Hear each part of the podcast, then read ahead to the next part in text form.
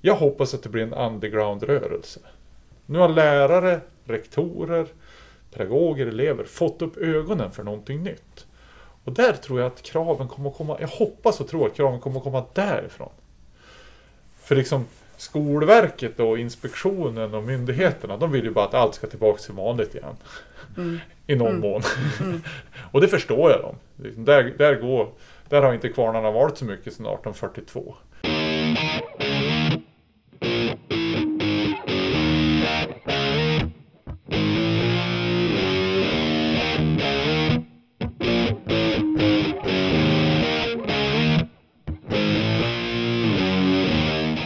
Hej och mycket välkomna till Gränslöst lärande. I säsongens sista avsnitt så ska vi prata om fjärr och distans. Vad tar vi med oss? Som vanligt är det jag Niklas Lind och Peter Hjelm i studion. Än en gång varmt välkomna.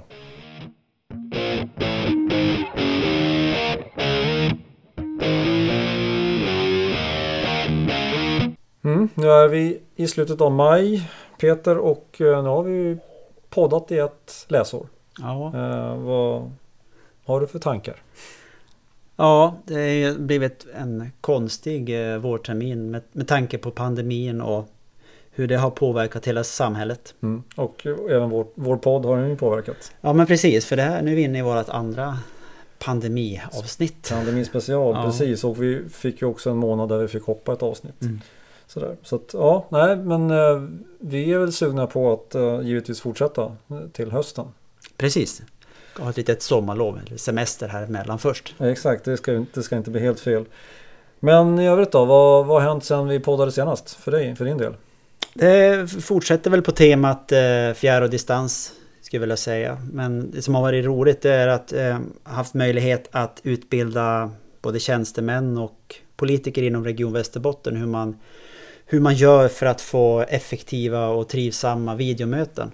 Alla har ju behov egentligen av att träffas på eh, med hjälp av teknikens hjälp.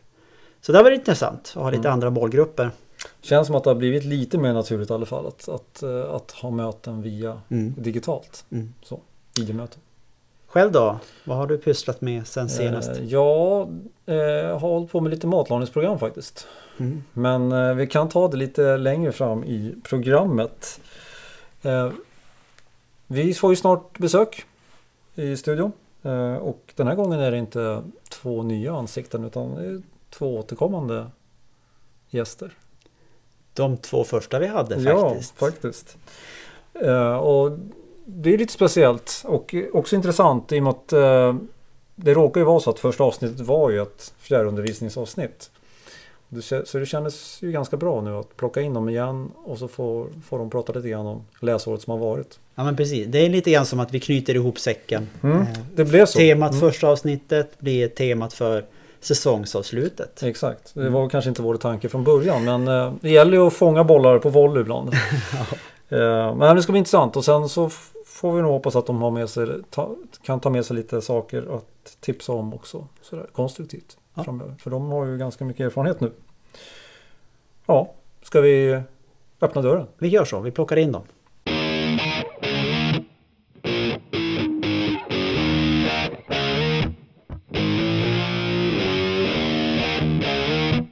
I september 2019 då släppte vi vårt första avsnitt i podden Gränslöst lärande. Premiäravsnittet handlar om fjärrundervisning och om den undervisningsformen kunde vara en möjlig väg för att erbjuda elever i årskurs 6 9 en undervisning i moderna språk med god kvalitet. En mångårig brist på behöriga lärare har för många små kommuner inneburit att eleverna inte haft samma möjligheter till språkval som i större kommuner. Våra gäster i första programmet, Tobias Thomsson, utbildningsstrateg Region 10 och Region Västerbotten och Linda Rudolfsson, IT-pedagog på Mediacenter och fjärrsamordnare inom Region 10 andades dock stor optimism kring att fjärrundervisningen mycket väl skulle kunna vara den lösning som mindre kommuner väntat på. Mycket har dock hänt sedan i september. Då kunde ingen föreställa sig en pandemivåg som skulle försätta hela gymnasie och vuxenutbildningen i karantän. Helt plötsligt blev fjärr och distansundervisning hela skolsveriges angelägenhet och antalet lärare som snabbt var i behov av att lära sig behärska den här formen av undervisning har då mångdubblats. Det är dags att summera ett läsår som kommer att gå till historien i Skolsverige och vilka passar det då bättre att göra med än våra gäster från vårt premiäravsnitt? Vad tar de med sig för erfarenheter från detta läsår och hur ser de på framtiden?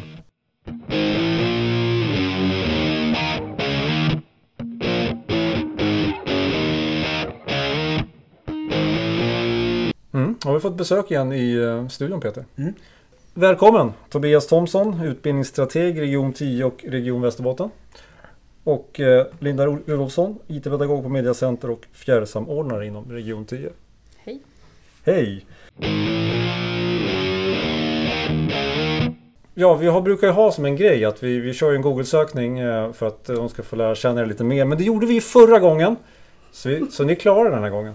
Däremot så vet du ju, du är ju, du är ju verkligen så träningsguru. Jaha. Så att det, det lär ju finnas en och annan anekdot som kan vara intressant. Och jag är väldigt nyfiken på den här när du snubblade på en mattkant och svimmade. Har jag gjort det? Har jag, har jag, här på Dragonskolan eller? Det, det vet jag inte. Nej, men det måste ha varit så hård smäll så jag inte minns det i så fall. Jag tänkte, eller så var det så länge jag blir sedan. väldigt ställd Ja. nu alltså. Jag, jag, jag, jag tänker så här att jag eh, vet faktiskt inte att jag snubblar på någon mattkant här och svimma. Eh, Nej, inte just här kanske. Nej. Har jag gjort det? Eller är det någon annan idrottslärare de blandar ihop mig med? Ja, kan vara. Det kan vara. Ja. Men du ställde mig. Nu, Ja, jag ställde, jag ställde det, det absolut. var väldigt listigt. Och jag som, jag som var nyfiken på, på den storyn. Så du, nej, kan, jag du kan inte ens bekräfta om den, den stämmer alltså? Jag kan varken bekräfta eller förneka. I Vi det hittar, då har vi men på det. det har, kan väl mycket väl ha inträffat på något sätt. Alltså det, så kan det mycket väl ha varit. Man, det, är ju, det är viktigt att satsa hårt även när man var idrottslärare. Liksom, Mm. att när man var tvungen att visa eleverna vem som, vem som bäst. kanske inte hänger ihop med att du var idrottslärare just då. Men Jag, ja, vet jag har inte. ingen aning, men jag, jag ska googla mig själv. Ja, du får- alltså, du får göra det. Du får göra det. Ut vad det där Skulle var. du komma på någonting Ja, under, jag- under den här inspelningen så är du det välkommen. kan hända att jag kommer tillbaka. Ja. Ja, men du, ska vi gå över till frågorna Yes. kanske? Ja. Mm. Eh, när ni var här på besök senast, då hade läsåret precis startat. Lärare, elever och handledare var väldigt ovana med fjärrundervisning. Visst var det i september? Ja, det är september 2019. Och då, då andades det ni optimism, stor optimism. Eh, är den lika stor nu, den här optimismen? Ja, alltså jag personligen, alltså utifrån det vi visste då och det vi vet nu så har det ju gått eh, fantastiskt bra på alla plan. Det är klart att det finns delar som vi behöver utveckla och eh, skapa nya förutsättningar runt men, men annars tycker jag alltså att det har gått extremt bra. Både för de fjärrlärarna som vi hade eh, men även för de skolor som har tagit emot fjärrundervisning och elever. Och det, det största beviset på att det har gått bra det är att vi nu liksom planerar för samma skolor, fler skolor och fler lärare inför nästa läsår. Och att vi dessutom ligger lite bättre till i fas med planeringen. Ja, det gör vi ju, absolut. Ja, men det, är ju, det är ju så att det, det, alltså, hade, vi, hade vi inte gjort det här hyfsat och hade det inte gått hyfsat, då hade man ju inte fortsatt. Mm. Så enkelt är det. För att jag tror att vi pratade om det sist, att det är lätt att ta in en icke utbildad lärare och försöka rigga förutsättningarna så det går sådär. Mm. Än att chansa på en sån här lösning som kanske är både lite kostsam och lite chansartad. Så att det är väl det yttersta beviset har vi för att det har gått okej i alla fall. Den här utökningen då, vad, vad pratar vi för antal då? Ja men det har ju utökats under läsåret också. Ja, det har vi gjort. Alltså, under läsåret har vi utökat eh, tyska mot två kommuner eh, och spanska. Men vi har ju också utökat eh, kommun, andra kommuner som är med i det här samarbetet nu från och med nästa läsår. Eh, och det är ju väldigt intressant och spännande. För det bevisar ju också att det har gått bra för de kommuner som varit med från början. Och det är också intressant att se, vi har gått ut med tre fasta tjänster Mm. i år. Som man har kunnat söka. Två stycken eh, anställda i Lycksele kommun med arbete Lycksele Dorotea, Lycksele Vilhelmina. Och en anställning i Sorsele med, med ansvar även mot Storuman och jättestort intresse Mm. av de här tjänsterna. Så att vi har faktiskt, det är roligt att rekrytera när man har så många sökande. Mm. Mm. Och visst har det här även blivit så att det har spridit sig utanför länsgränsen när vi pratar skola nu också? Om Ja. vi tänker... Jo, jag har precis att det, har funnits, att det finns behov och, och att de har behövt eh, hjälp helt enkelt. Ja. Ja. Mm. Och nu ser vi ju att vi, ja men både Övik, Mm. där vi har haft en lärare som har undervisat mot både Tärnaby och Ja. Övik i det här fallet. Och sen har vi ju under läsåret rott ihop ett samarbete mellan Lapplands gymnasium, Mm. eh, alltså Jokkmokk, Pajala, Gällivare, Kiruna och Arjeplogs kommun. Mm. Roddat av Region Västerbotten. Mm. Exakt. Det tycker jag är ett fint mellankommunalt samarbete. Mm, verkligen. Ja men det är väl bra bevis på att, att eh, någon, ni har lyckats här. Och Det- det har i sin tur lett till att man har kunnat expandera. Ja, och jag känner som att vi kanske också har ett nav. Många ringer ju till oss och, och frågar, är det någonting ni kan hjälpa till med? Så att, eh, och vi kan hänvisa till rätt personer. Så. Mm. Att vi har ett nätverk. Det tror jag och vi har ju också sett att ja, men det, våra lärare har ju nu den akuta liksom pandemin och den situationen som där blev för gymnasieskola och vuxenutbildning när man över en natt skulle gå över och anpassa sin undervisning. Den, där har ju vi kunnat bidra på ett jättebra sätt och vi hade inte kunnat bidra på samma sätt om vi inte hade haft de här erfarenheterna från det här, de här fjärrundervisningsprojekten. Mm. Vi skulle egentligen komma till det lite senare men vi, eftersom du fångar bollen nu så på vilket sätt, på vilka sätt har ni, har ni assisterat? Men jag tror att det stora, den stora grejen är ju att vi har ju redan gjort de värsta misstagen. Mm. Vi har ju redan gått på många nitar och dragit många erfarenheter som man måste göra när man gör stora förändringar av undervisning eller skola. Och det är väl de genvägarna vi har kunnat bidra med till andra, tycker jag. Mm. Tänk på det här, tänk på det här, gör så här, gör inte så. Och det tror jag är, det är ju, det är ju liksom viktigt att, att inte alla går på samma miner. Hur gick era tankar när det liksom blev det här? Pang, nu är det dags. Nu ska det bli fjärr och distansundervisning. Hur kände ni då? Började ni agera då proaktivt snabbt? Eller inväntade ni att folk skulle höra av er till er och att ni skulle bidra? Eller hur? Ja, men vi på Mediacenter vi fick ju uppdrag att, att se till att ja, men finnas där som, som stöd och resurs. Och, och vi, vi hade ju nog utbildning för ja, runt 100 eh, pedagoger under de första veckorna kan man väl säga. Med olika in, inspel och in, alltså innehåll. Eh, men, men sen så har man ju också sett att man har kanske byggt upp det här kordiala, alltså att man, att man hjälper varandra på skolan, att man ser det som en, en, en fördel, att man har några som kan mer och så sen så delar man med sig av det. Eh, men vi har haft ett eh, ja, men absolut ett bra eh, flöde, de har kontaktat oss. Vi har också försökt skapa plattformar där vi kan dela med oss av den, den kunskap som vi har. Vi har också fört ihop de fjärrlärare vi har, att vi har en, haft ett samtal där de fick vara med och lyssna av. Hur, hur möter man de här olika fokusområdena som kanske blir främst då i, i den distansutbildningen som, som de fick hoppa in i. Eh, men, men vi har ju också en de lärare vi har, har ju, är ju fjärrundervisande lärare. Det ser ju lite annorlunda ut mot för att vara en Exakt. distansundervisande lärare. Så att det är klart att med, med deras erfarenheter så kan de i alla fall delge mycket. Jag skulle vilja lägga till ytterligare en dimension där. Det är ju att från, jag menar samhället har ju förändrats inte bara för skolans räkning. Jag menar nu, distansarbete, hemarbete, vi ses inte på samma sätt. På gott och ont Mm. förstås. Men vi kan ju se att vägen från en pedagogisk miljö, alltså en fjärrundervisningslektion, till ett bra fjärrmöte är inte lång. För vi vet ju att pedagogik saknas ju ibland i det, vid det vanliga mötet eller när vuxna ska ses. Och här ser vi att vi har fått ganska mycket förfrågningar på slutet från de mest udda håll Mm. gällande liksom hur funkar ert fjärrseminarium? Hur funkar ett fjärrmöte? Vi tänkte oss så här.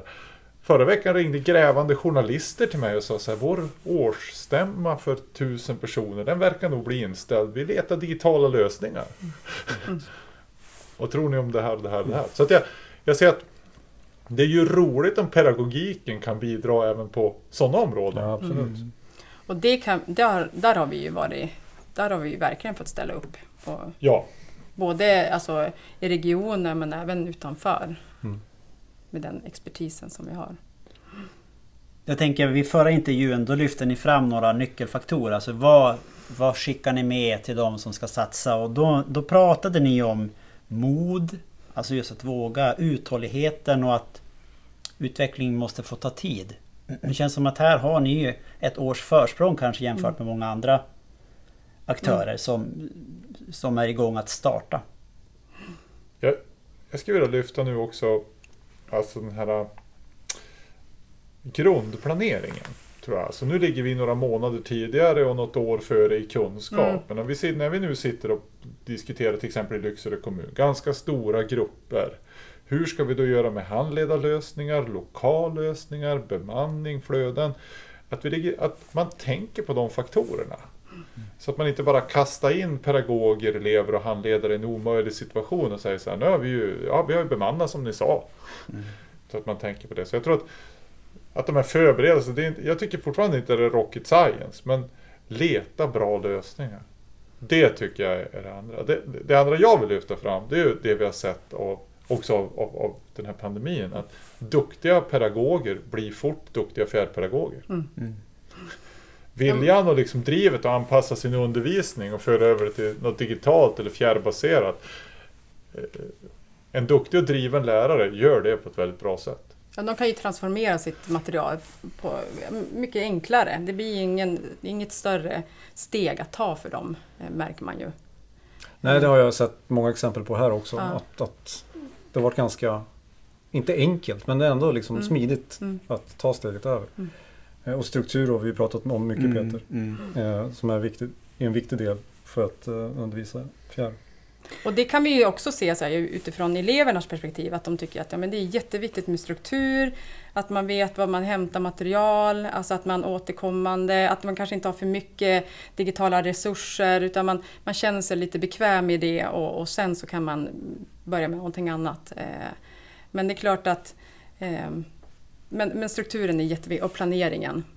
Mm.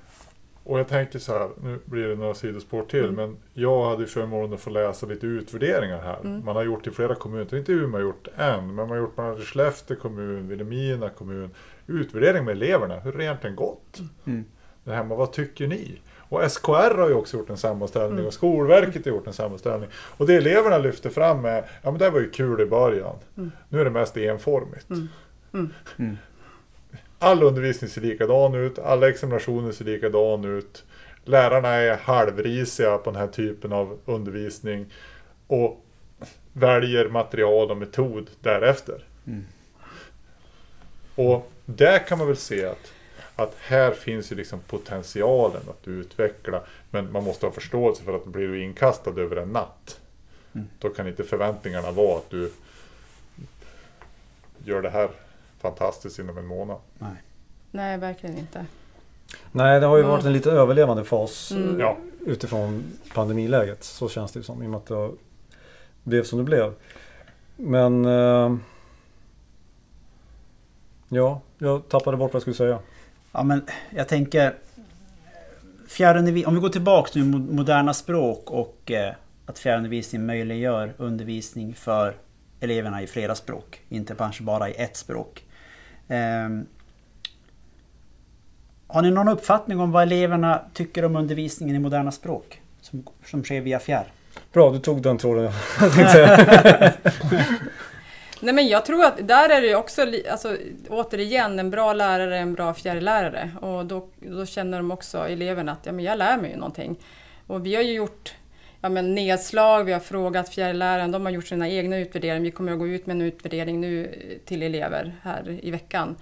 Eh, för att höra deras uppfattning om den, det läsår som har varit. Eh, men men eh, överlag så, så har det fungerat väldigt väl. Och då är det ju också ett, en ytterligare dimension är att man har de här, man har fjärrlärare, man har handledare på plats som har en dialog med fjärrläraren och med eleverna så att man, man synkar tillsammans och samplanerar och eh, är mån om att det ska gå bra helt enkelt. Det vi, jag, men, jag tror att jag sa det sist också. Det, alltså, bra undervisning är bra undervisning och dålig undervisning är dålig undervisning. Mm. Bra lärare är bra lärare, dålig lärare finns det också. Och jag, och jag tror att vi ska mer använda oss av de begreppen än fjärr, distans eller när. Mm. Mm. Alltså alla de här aspekterna av hur elever lär sig och hur man socialt agerar med lärare och med varandra. Eh, jag tror att vi liksom framgent kommer att diskutera det på ett annat sätt Mm. än exakt hur man distribuerar undervisningen och vem som är vad. Och det tycker jag att vi ser Mm. också i det här. Mm. Men vi har också sett att kanske fjärrundervisning som har fungerat mindre bra som man har fått i årskurs 9 eller fjärrundervisning som har ställt högre krav plötsligt. Då säger eleverna vi vill ha det som vi hade det tidigare. Mm. Mm. Det är väl ganska naturligt. Mm. Man vill, man vill tillbaka till något man känner igen eller sådär. Så att, Men jag tror att förväntningen kanske blev högre på dem, de eleverna. Antingen så har man kanske inte haft en, en legitimerad lärare i- innan och, och låtit det få vara Ja men Ja, överleva precis. typ. Och så sen så har det kommit in en legitimerad lärare och som ställer krav och då kan man som, som elev kanske känna att oj det här blir lite tungsamt, det blir lite jobbigt och då tycker man själva formen blir svår. Alltså då skyller man på fjärrundervisningen men, men det kanske är mer någonting annat som gör att det, det blir en det kan En hända att man utmaning. inte kunde spanska. Nej, men det är ju, och det ser vi ju. Det har, det har vi ju. Fjärrläraren har ju ändå på något vis uttryckt sig runt det. Att ja, men vi kan, jag hade lite för höga krav. Alltså jag tänker jag fick gå tillbaka, de fick läsa om igen. Vi fick ha de här grunderna, hade de inte med sig. Eh, och så tänker jag att det är ju så när man kommer in som en lärare, man tar över en annan klass eller så vidare. Då måste man ju också titta över, var, var det, ligger det någonstans? Var ska jag börja?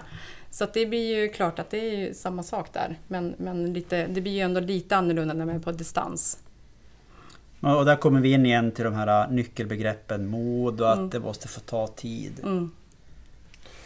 Och vi ser ju att vi har ju byggt upp ett fjärrteam med de, de alltså lärare som vi har inkopplat då i det här projektet. Och där har vi ju, vi börjar ju ganska mycket med att varje möte vi hade så var det de tekniska frågorna, det som inte fungerar bra, det som, ja men det vi behöver koppla vidare och det var ju det viktiga att det inte tog för lång tid om det var så att det var en mix som inte var ljud på eller att man inte hade bild och så vidare.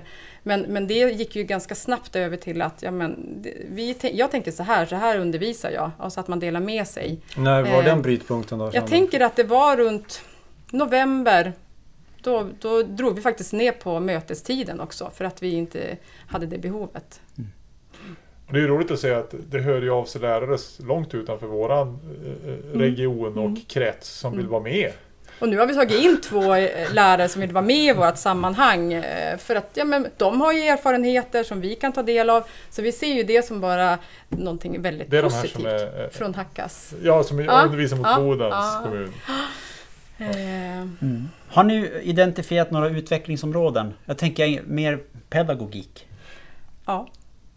Ja men jag, jag och vi ser ju i de här fjärrteamen så ser ju vi att vi behöver ha ett, en planering, en tanke på att vi kanske har ämnesområden, att vi ska samplanera mer, vi kanske ska ha teman. Det spelar ingen roll om jag har spanska eller tyska, det kan ändå vara samplanering.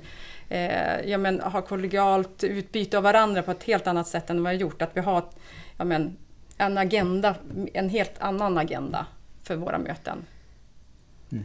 En kanske mer praktisk men en mer pedagogisk och didaktisk och med metoder då, som man kan ta med sig. Sen kan man tänka sig nästa läsår, då är ja, men eleverna ett år vana, skolorna, rektorer handledare har också en, en annan erfarenhet. Så att Mm. det är som ett, ett, en annan nivå att Ja. starta på jämfört med i september förra året. Men sen tänker jag en annan pedagogisk dimension som vi lyfter det är ju handledarrollen. Mm. För det är ju precis som, ja men nu går det väl, det går ju att söka statsbidrag för eh, klassassistent. Mm. Alltså, och det står ju i uppdragsbeskrivningen på Skolverket, den ska ju kopiera. Ja. Nej men Ja. Mm. det är lite sådär. Och, och handledaren i, i den värsta, ja men den ska bara hålla ordning och se till att ingen dräper sig. Mm. Men utmana de här begreppen. Vad ska den här människan göra? Vad har vi för pedagogiska förväntningar på den här? För det vill nog de här veta att vi ställer dem från början. Jo, men vi förväntar oss att du ska vara länken på plats. Mm. Förväntar att du ska ha teknikkunskap, ordning och reda, bistå med uppgifter, kanske vid gruppdelningar, ta den här gruppen med en handledd av lärare. Där tror jag vi har en, en stor utveckling. Och det, Mm. det har vi ju alltid. Jag, jag Mm. jobbar jättemånga år i skolan och sett olika typer av mentor, assistenter, lärare. Alltså, vi, har, vi måste nyttja de här människorna som ska stödja undervisning på ett vettigt sätt och ha uttalade förväntningar på dem. Har ni redan nu börjat tänja och testa lite grann under det här läsåret eller? Kring, ja, alltså med den rollen? handledaren tänker Ja. jag med rollen. Ja, Ja. absolut. Och jag tänker att där vi ser där det fungerar väl, det är ju när handledaren får vara med på, ja men hela, alltså även ha en kontakt innan. Det här är- förväntas vara Eh, lektionsplaneringen. Eh, det här ska jag vilja att du gör. Och så har man en, en liten brief efteråt. Att man har den cirkeln på och att man ser till att man har lagt schema så att det finns utrymme till det också. Eh, och att ha handledare som kanske är mer har den här undervisande positionen istället för bara, ja men många gånger har det varit så, ja men du ska bara sköta tekniken. Och där ser vi ju att där, där behöver man jobba mer. Där behöver man tänka om och säga att nej men det är inte vad det är. Det, det löser sig. Ja, Utan det blir som ett mer- samarbete som om man skulle vara flera Ja, i, i det klassrummet. är team. Det är Ja, ett team. ja, mm. Men precis, det, det är väl bra beskrivet av det. Men man pratar ju ofta om två, två lärarsystem. Eller, Mm. eller inte sällan är det så att i brist på lärare blir det en lärare och en mentor. Och I de bästa världar har ju de ett samarbete. Och det gäller ju här också. Alltså jag tänker att det är viktigt också som rektor att se till att den handledaren som kommer på plats, jag förstår att det inte alltid är lätt att hitta de personerna, men, men att också att höja den, alltså, det- den uppgiften och, och att de får känna att ja, men jag gör ett bra jobb, det här är viktigt att jag är med i det här. Alltså annars, utan mig så blir det ju som ingen bra undervisning, tänker jag. Nej, och så sen, nu, nu kommer jag som en tråkig byråkrat här in också. Eh, Alltså, jag tar ju Jag ha- har kör, byråkrat. Måste Vi, vi ha har ju den uppdelningen, byråkrat. Nej, men också att man, jag menar, skolorna måste få hitta kostnadseffektiva Ja. lösningar på det här. Ser vi nu till exempel, vi tar Lycksele som exempel. De har jättestora spanska grupper, men då satsar man också på en handledare som är icke utbildad spansklärare. Som liksom har haft mm. delar av undervisning som tillsammans med en, en meriterad spansklärare ska handlägga en stor grupp.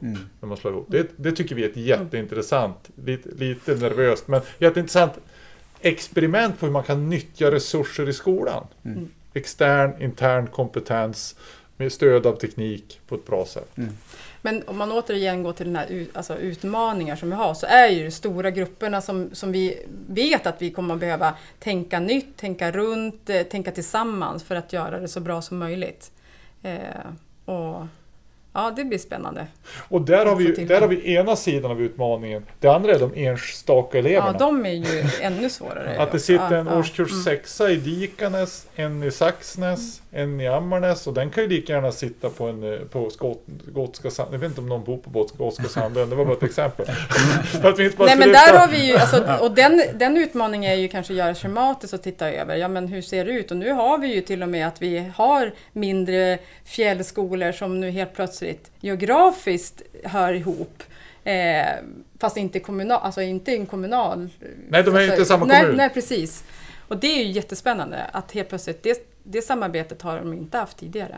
Men hur, men hur har det funkat då? I, när det har varit lektioner med när man har, kanske har fem elever och Mm. alla kommer från olika skolor och ingen känner varann och sådär. Hur, hur har det som funkat? Men min uppfattning är, nu får du Mm. rätta mig, det är ju att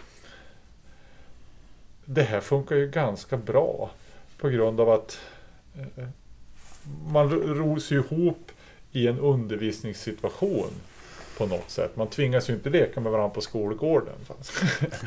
och, men en språkgrupp här på Dragonen, en språkgrupp på Teg central här ute kan ju innehålla udda existenser från alla håll. Och jag tänker oavsett var jag undervisar så är det ju mitt uppdrag som lärare. Det är att skapa en, en lärmiljö Mm. som, är, som är gynnsam och tillåtande och att man faktiskt lär känna varandra. Så det, det, det handlar mer kanske om hur, hur, hur planerar jag min undervisning i början nu? För nu vet jag att jag har elever som inte känner varandra. Jag gör det bara i en annan form. Men syftet och målet är fortfarande detsamma. Att jag ska skapa en trygghet i den här undervisningsgruppen. Nu ska vi hänga med varandra från årskurs 6 till 9 kanske i vissa fall. Språk. Men jag tänkte också att man måste vara ödmjuk över att för eleverna är det ju också det här någonting nytt. Så man måste ju som också låta det få tid. Alltså att, att de känner sig så här, ja men nu, nu börjar jag känna att jag förstår det här. För det är klart att en, en närundervisning har vi ju gjort ganska länge och man har tränat på det. Det är likadant som jag kanske över en natt ska bli Alltså ha en distansundervisning. Det är klart att jag är betydligt mycket bättre kanske på min närundervisning än distansundervisningen. Men, men det är klart att ja, men får, man, får man lite tid så blir man ju bättre, man får öva. Så jag tänker även eleverna, de tror jag, de som har haft ett längre tag kommer känna att ja men det funkar ju jättebra. Eh, Jag har haft Ja. digitala möten med vissa vuxna nu Ja. i tre månader som fortfarande inte har en aning om hur man gör. Nej, de vi ska, liksom, vi ska, vi ska både, både ung och gammal Ja, ha nog en invändningsperiod. måste ju. Vi, För vi är så vana vid ett visst sätt att hantera, Mm. släntra in mm, eh, Mm. det på, på olika sätt och sådär. Och det, det här utmanar ju allt, eh, allt i det. Mm. Och ibland så tror jag faktiskt, liksom en lite, lite killgissning, att våra barn och unga eh, har lättare att acceptera och lära sig den här miljön. mm. Och, och då tänker jag inte dra hela anekdoten Nej. att det var bättre för. Men alltså, jag uppfattar ändå ibland egentligen. lite så att de, Ja. de säger så att ja, Ja. det går ganska bra. Ja. Men eh, har ni någon solskenshistoria? Något positivt att berätta från det här läsåret? Som sticker ut. Ja, men jag, tycker, jag skulle vilja lyfta franska gruppen i Gunnarn. Ja. Men sen också att ja, men lärare som kanske inte var jättedigitala sen tidigare men hade en extremt bra ämneskunskap och eh, ja, men erfarenhet helt plötsligt bara gick in i det här eh, och har, har lyckats väldigt, väldigt bra. Eh, och det, har ju, det är ju en liten sån här, en, en liten orosmoment som vi hade men, men det har ju gått jättebra. Och varit väldigt engagerade. Ja, Men just bra, bra lärare blir bra Mm. fjärrlärare. Varför jag vill lyfta undervisningsgruppen i Gunnarn är ju dels för att den är så fruktansvärt söt. Alltså Mm. man får ju ändå säga så att Mm. de, de är en liten grupp som undervisas på franska av en lärare från Lycksele. Eh, som ju också har varit på besök Mm. och, och träffat fysio. Det blir, det blir väldigt, de, de är väldigt duktiga och det blir väldigt bra. Men jag tycker att det är också den här möjligheten.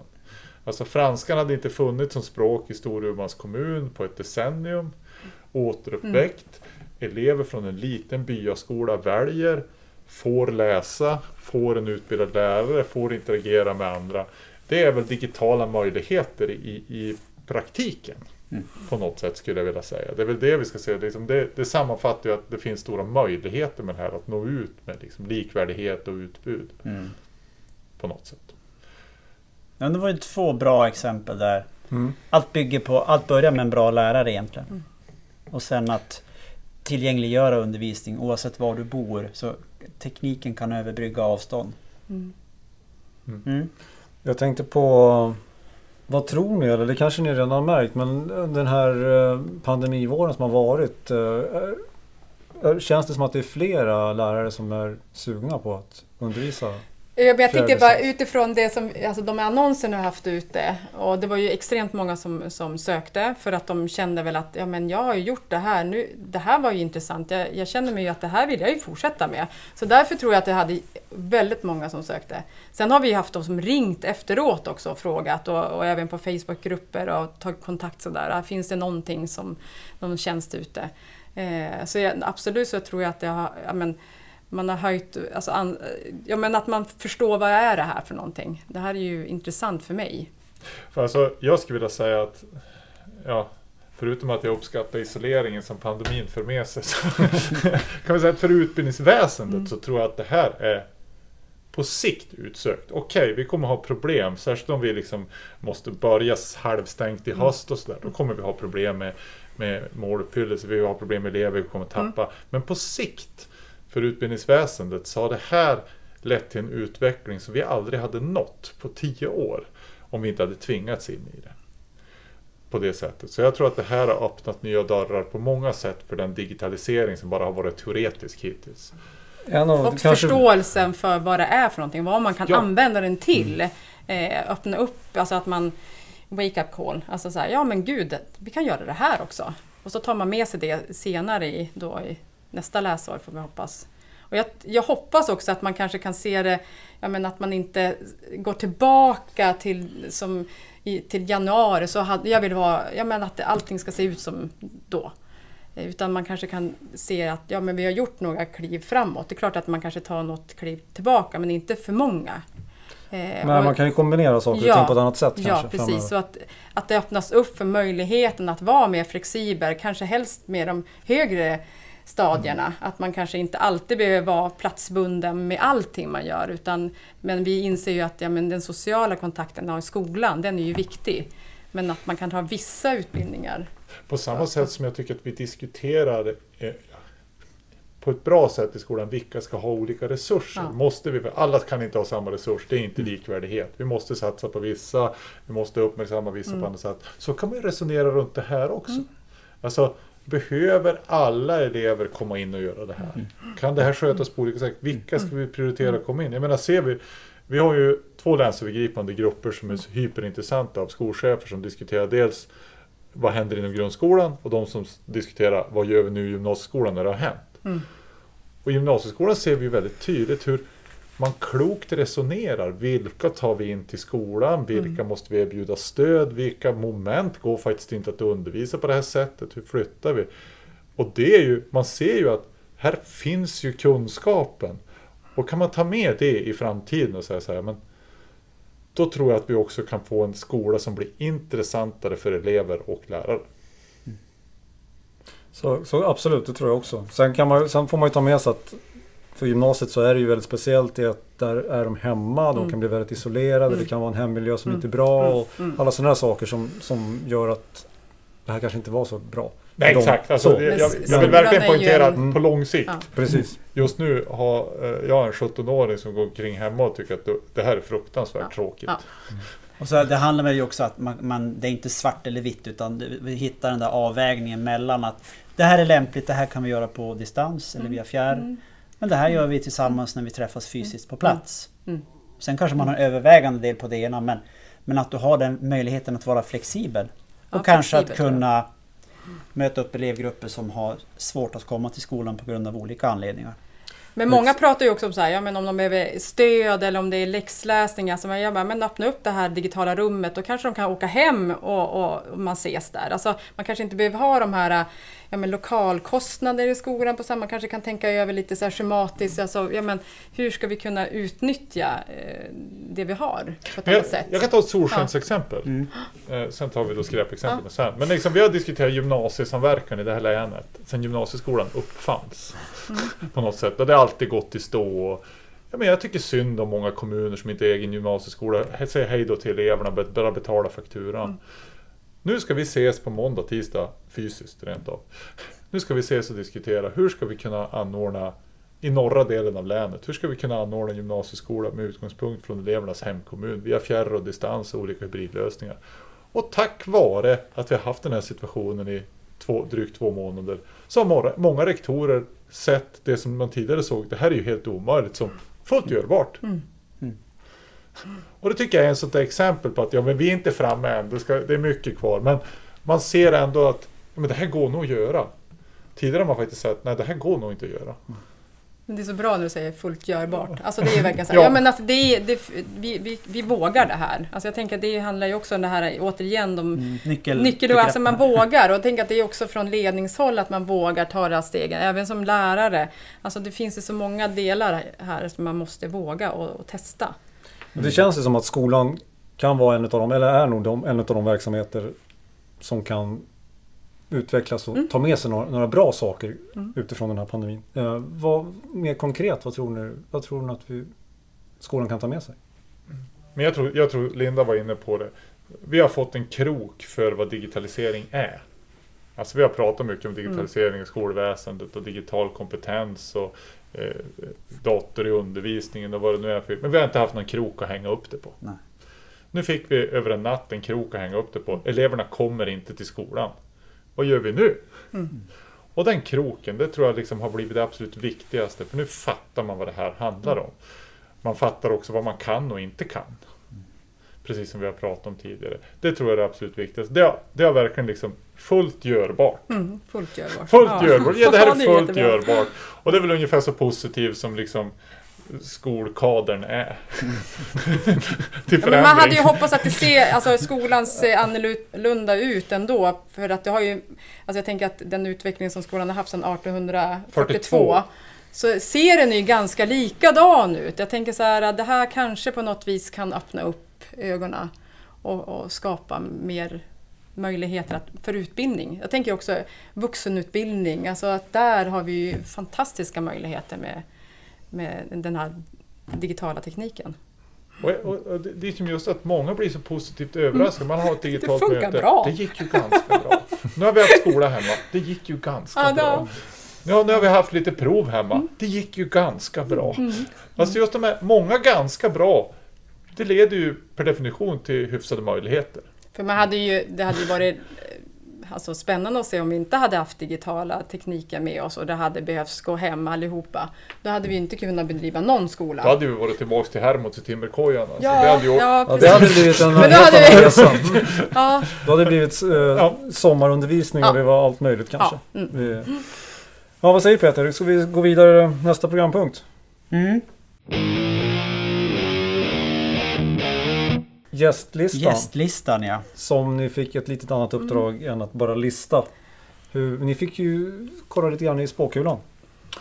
Hur kan det se ut eh, med fjärrundervisning alltså jag tänker så här. två, tre år? Ja, alltså om man nu tänker eh, eh, nu med den datan som finns nu så skulle det vara jätteintressant att ha någon med någon forskningsbaserade personer kanske som har tittat på det här en längre tid. Eh, som har någonting att, ja men, tänker det som vi vet när vi började med fjärrundervisning fanns det inte jättemycket forskning. Nu, nu kanske det kommer att finnas mer som man kan delge och det man ser.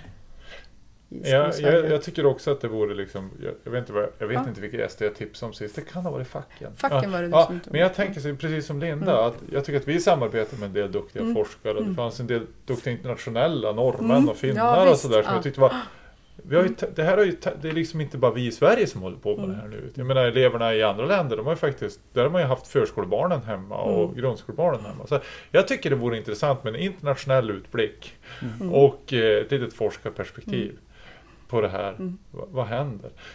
Eh, sen tror jag att eh, en annan sak som vi måste liksom ta med oss det är ju de sociala och hälsomässiga aspekterna av Mm. det här.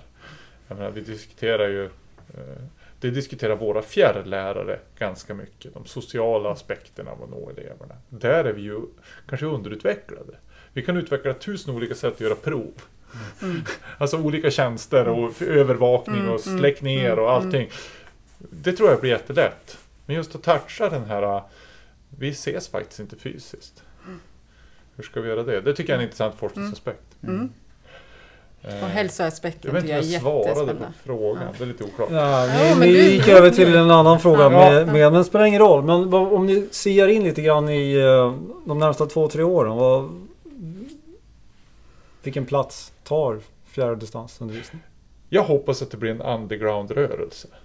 Jag tror så här att, jag tror att returen efter den här pandemin blir stenhård. Vi kommer att resa som aldrig förr, boka in konferenser på vartenda konferenshotell och liksom ta igen för förlorad social tid. Alltså gå på krogen och allt möjligt. Nej men lite grann tror jag faktiskt på det. Att minnet är ju, eh, minnet är ju Mm. extremt Mm. svagt. Mm. Men jag tror lite att det här utvecklingen drivs underifrån. Nu har lärare, rektorer, pedagoger, elever fått upp ögonen för någonting nytt. Och där tror jag att kraven kommer att komma, jag hoppas och tror att kraven kommer att komma därifrån. För liksom Skolverket och inspektionen och myndigheterna, de vill ju bara att allt ska tillbaka till vanligt igen. Mm. I någon Mm. mån. Mm. och det förstår jag dem. Liksom, Där, där, går, där har inte kvarnarna varit så mycket sedan 1842 i förändring. Så att lagen ser ut så. jag tror och hoppas på att det här drivs av, av verksamheterna. Men i den regionen som vi har så ser vi ju ändå att det kommer bara öka det behovet av fjärrundervisning. Ja, Eh, och det, det kommer ju bara växa, den, den gruppen, de lärarna som vi kommer att ha runt oss. Jag undervisar. det tror jag och jag tror också att eh, vi ser nu att plötsligt blev Sorsele kommun en attraktiv arbetsgivare. Eh, plötsligt var det lärare som sökte från Umeå kommun till Sorsele kommun. Och Och Lycksele har nog inte haft så många sökande på sina Nej, inga. moderna språktjänster. Så jag tror att det här också, fjärrundervisningen kan rucka lite på liksom vad anställning, hur är det att vara lärare, var är jag lärare, på vilket sätt? Eh, Mm. Det, det hoppas jag. Och de stora vinnarna i, i det är ju eleverna. De som får kvalificerade lärare. Mm. Precis. Och som får legitimerade lärare förhoppningsvis i större utsträckning. Sen tror jag att, det- som Linda säger, att inom vuxenutbildning och högre utbildning, där finns ju, där är ju the sky is the limit känner jag. Mm. Verkligen tillgång till utbildning för alla. Möjligheten till kompetensväxling, kompetensutveckling, högre utbildning senare i livet. Det är ju... Där, där tror jag verkligen att vi, vi bara har gläntat på porten. Och det är klart, hamnar vi i ett läge där vi ser branscher som sviktar och vi ser andra branscher som har behov av kompetens. Mm. Och då krävs det att man kan på något sätt lösa den här kompetensväxlingen. Ja, men det här det, det där tror jag att... Det tror jag att det är. Men, men jag hoppas någonstans på ett mellanläge. Jag hoppas på ett mellanläge. Jag hoppas vi lär oss någonting. lär oss någonting och inte bara liksom Gå tänker tillbaka. bara så svep. Och, Mm, nu, vi liksom, fixar det här. Vi fixade det här. Nu blir det november 2020. Ja. vi försöker fort glömma hur det var våren och så gör vi en bara lite häftigare vår 2021 där vi tar igen allt vi har missat 2020. Ja, man får ju verkligen hoppas att det inte blir så för det vore ju bortkastat på något Mm. sätt. All den erfarenhet och all, alla de upplevelser som vi har Mm. tagit utav det här. Ja. Det var roligt att ni var här. Igen. Ja men tack. Mm. Tack för att vi fick komma. Trevlig tradition. Ja, precis. Om ett år igen. Ja, om ett år igen. Vi ses om ett år igen. Ja. Precis. Ja. Ja, men tack Ja. för att ni kom hit. Tack så mycket!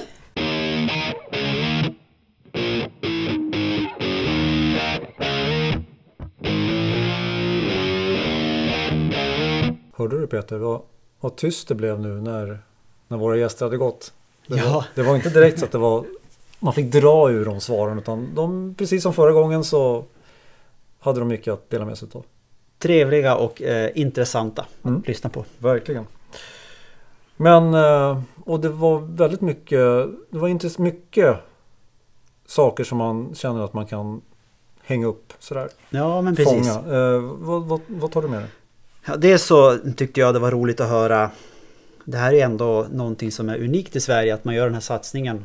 Och man pratar om de här nyckelbegreppen mod, uthållighet och att utvecklingen måste få ta tid. Och det är ju någonting de har tänkt på i Region 10 och i den här satsningen med moderna språk via fjärrundervisning.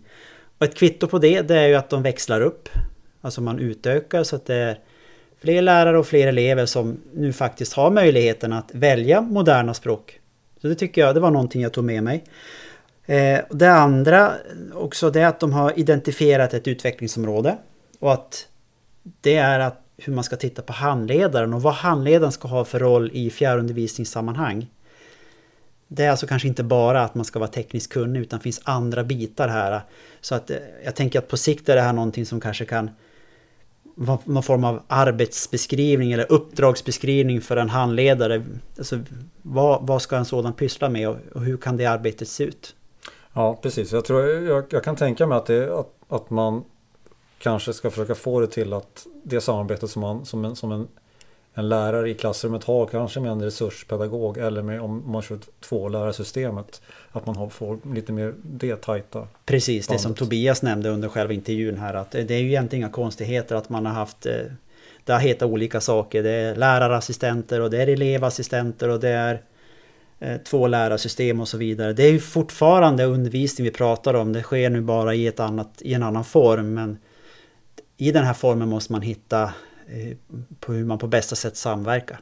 Mm, exakt. Du då, vad tar du med dig från den här intervjun? Eh, ja, men de, de sakerna du har sagt givetvis. Eh, men eh, jag tyckte det var intressant det här med att, att, de, att de sa att de kände av ett större söktryck på de tjänster som de nu hade annonserat ut. Och att de hängde ihop det med, med ja, men pandemin och, och det läget att många lärare nu har fått prova på det här med, med fjärr och distansundervisning. Mm. Eh, och att det verkar vara så att, att flera känner att aha, men det här kanske är en form som man kan fortsätta att vara med och utveckla. Mm. Så att det, det känns väldigt eh, det, positivt faktiskt. En sån här grej som, som man kan ta med sig tror jag, eller Skolsverige kan ta med sig efter, efter när vi går tillbaks igen. Ja, och jag Eh. tänker, jag hoppas att vi inte går tillbaks. Nej, att, precis. Och det var ju det jag skulle komma till också. Vi, vi, visst, vi kanske går tillbaks till att vi har möjligheten att återigen vara i lokalerna. Eh, Men att vi inte slänger bort all den här erfarenheten. Det som Tobias nämnde. Det vore ju så otroligt bortkastat om vi om vi bara, okej, det var den här perioden och nu kör vi på som vi alltid har gjort. mm. Och på något sätt förtränger undan de här månaderna, så många det nu blir. Eh, nej, utan det finns ju jättemycket här så jag hoppas att, att man på något sätt nästan högt upp organiserar organiserar någon reflektion och vad man kan ta med sig, alltså bitar. Mm. För att kunna fortsätta utveckla det här. Så att, ja, det, det, var väl, det var väl det ungefär. Mm. I korta ordalag. Men du Niklas, du, du sa som en halv mening, eller du, du nämnde, du pratade om matlagningsprogram. Kan du berätta? Vad, vad, menar du egentligen? Ja, precis. Eh, och då kan vi ta det. Vi, vi bollar över det till, eh, till nästa programpunkt i Ja. tipset. Det är ju nämligen så här att eh, jag har ju varit involverad i ett projekt eh, tillsammans med en kollega, eh, Pernilla. Och eh, vi har ju haft ett matlagningsprogram, eller vi kör, vi kört ett matlagningsprogram med eleverna där de själva har fått vara så kallade TV-kockar. Eh, Det här är- i en kurs Kost och hälsa Eh, och eh, vi har kört det fullt ut. Vi har varit i, ett kök och vi har haft två elever åt gången och vi har varit två pedagoger så att det har varit väldigt litet så. Och spelat in och eleverna har fått redigera sina avsnitt sen. När du säger spela in, är det ljud eller är det Mm, spela in film. film? Spela in film. Så det är lite åt tv-kockshållet. Men grejen är att de här avsnitten finns ju för allmänheten att ta del av på en plattform som heter imitten.se.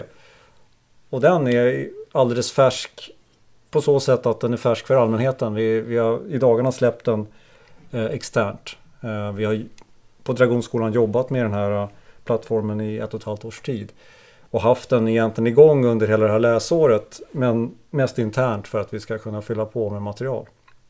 Men nu känner vi att tiden är kommen och eh, finns flera anledningar till att, till att vi har valt att göra den här satsningen. eh, Men, eh, och det kanske framförallt är ju att, man, att, vi, att det är möjligt att kunna jobba med, mot verkliga mottagare. Mm. Att göra saker och ting på riktigt. Eh, Sen så är ju sidoeffekten av det att, att vi kan vara med i en del av kultur och ge inspiration och, och förhoppningsvis också tips på andra sätt att jobba. Det För här- hela skolsverige. Det är alltså en öppen webbplats som inte kräver någon inloggning Eh, Exakt, eller den är helt användaruppgifter och så. Nej, Ja. precis. Men Jag tänker det är ju, om vi nu pratar pandemi, det är ju ett, ett tillfälle faktiskt att kunna jobba med vad ska jag säga, digitala medier. Mm, Eh, absolut. Vi har ju distansundervisningen. Kan du ge några exempel? Vad, vad, vad kan man hitta på i mitten.se? Förutom eh, matutmaningen då, matlagningsprogrammet, där vi har publicerat de fem första elevavsnitten. Det kommer några till framöver. Så finns det ju ett antal olika poddar. Eh, poddar som jag tycker eh, ändå, ja men som känns eh, också på riktigt. Eh, För att det är inte inlästa texter utan eh, det är, eleverna är egentligen gästexperter och lärarna, inklusive jag själv har varit involverad som programledare. Och så, så att, men ja, värt att gå in och lyssna på poddarna där. Eh, ja, sen har vi ju sen har vi lite så här shower. Vi har ju eh, vi har ju rätt maffiga avslutningar sådär normalt sett. Det blir ju annorlunda i år men, men det ligger ute julavslutningen och inte minst studentavslutningen förra året ligger ute.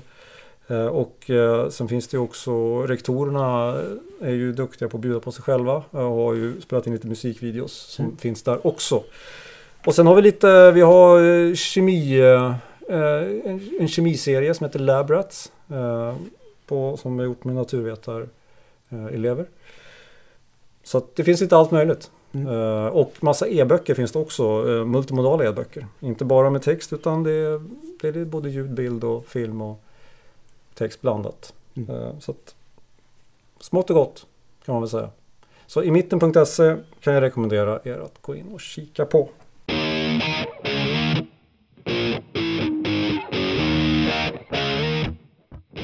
Ja, ska vi ta och eh, ta sommarlov? I alla fall vad gäller poddandet.